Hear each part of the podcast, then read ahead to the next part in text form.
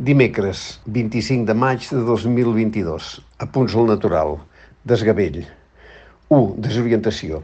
El bon polític és aquell que és capaç de transmetre la sensació de que va un punt per davant i, per tant, que té la situació controlada sense fugir de la realitat. El retorn del rei emèrit a Espanya ha generat una sensació de desgavell al cim de l'estat Trontolla que probablement no és tan fruit de la frivolitat d'un irresponsable, sinó de la desorientació general en què ha entrat la vida política que el nen Felip VI és incapaç de plantar cara a papà Juan Carlos fa temps que ho sabem.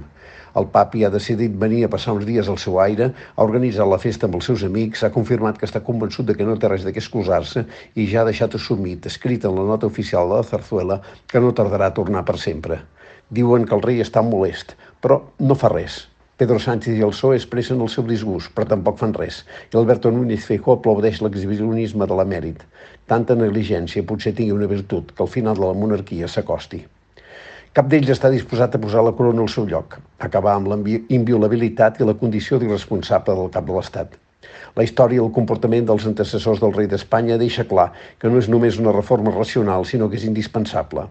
Es parla molt del descrèdit institucional que Juan Carlos I aporta, i és cert, però què podem dir d'un PSOE incapaç de passar de les paraules als fets o d'un PP que li riu les gràcies? Tot això en un moment de manifesta confusió que ajuda a créixer a tots aquells que estan en la dinàmica de l'embolica que fa fort. Vox, evidentment, però també Ayuso i companyia. Fabulacions. Quan el desgavell creix, el recurs a les grans fabulacions és automàtic. En plena renovació del PP, Isabel Díaz Ayuso, ensabonada per Núñez Feijóo, s'apunta a la guerra de les pàtries. La Generalitat és una administració autonòmica que s'ha inventat una nació. És que hi ha alguna nació que no sigui un invent, una de tantes construccions per adornar de sentit la nostra existència? És que Espanya és una nació des d'Individi Mandoni?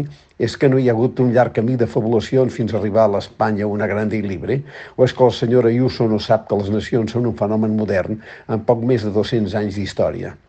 La frivolitat no té límits, però sí molts riscs. Ayuso la, juga sense complexes en fer-se avaladora de Vox des del PP i Feijó ho alimenta. Amb Ciutadans en via directa a la rellevància, Inés Arrimadas la dita grossa. Proposem eliminar la distinció entre nacionalitats i regions de la Carta Magna.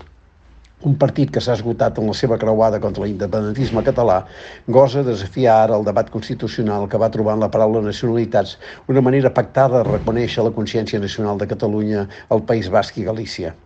Com si no hi hagués prou soroll a l'escena, arrimades en la línia de Vox vol acabar amb qualsevol forma de diferència dels països que dins d'Espanya han construït la seva pròpia faula patriòtica, tan o més fundada com la que la Constitució imposa a tots escenes d'un desgavell inquietant perquè apunta que la dreta espanyola se situa plenament en la onada autoritària que recorre el continent, just quan la majoria plural mostra les seves flaqueses i el govern espanyol no gosa ni tan sols posar un debat com la irresponsabilitat real sobre la taula.